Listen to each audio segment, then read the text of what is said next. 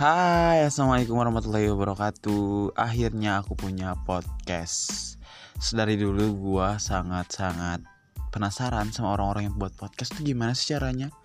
Dan ada salah satu kakak tingkat di kampus gue, kakak tingkat sesama jurusan. Dia punya podcast dan satu-satunya yang punya podcast dan gua termotivasi buat podcast juga. Hai, gue Imam Takwa, gue asalnya NTB dari Universitas Swasta di Sumbawa Besar. Gue biasa dipanggil Pak RT kalau di kampus. Asal muasalnya karena temen gue, eh, agak sih dulu gue obse, apa sih ospek jurusan dan disuruh pakai baju marun, eh gue malah pakai baju batik yang marun dan akhirnya semua teman-teman sakatan gue manggil gue Pak RT oh my god. This pokoknya itu kenangan paling ini deh. Ter tergacor. Gak jelas banget.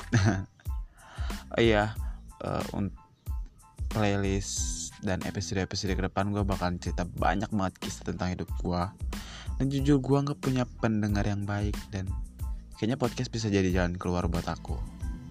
Okay right See you, bye bye. Assalamualaikum warahmatullahi wabarakatuh.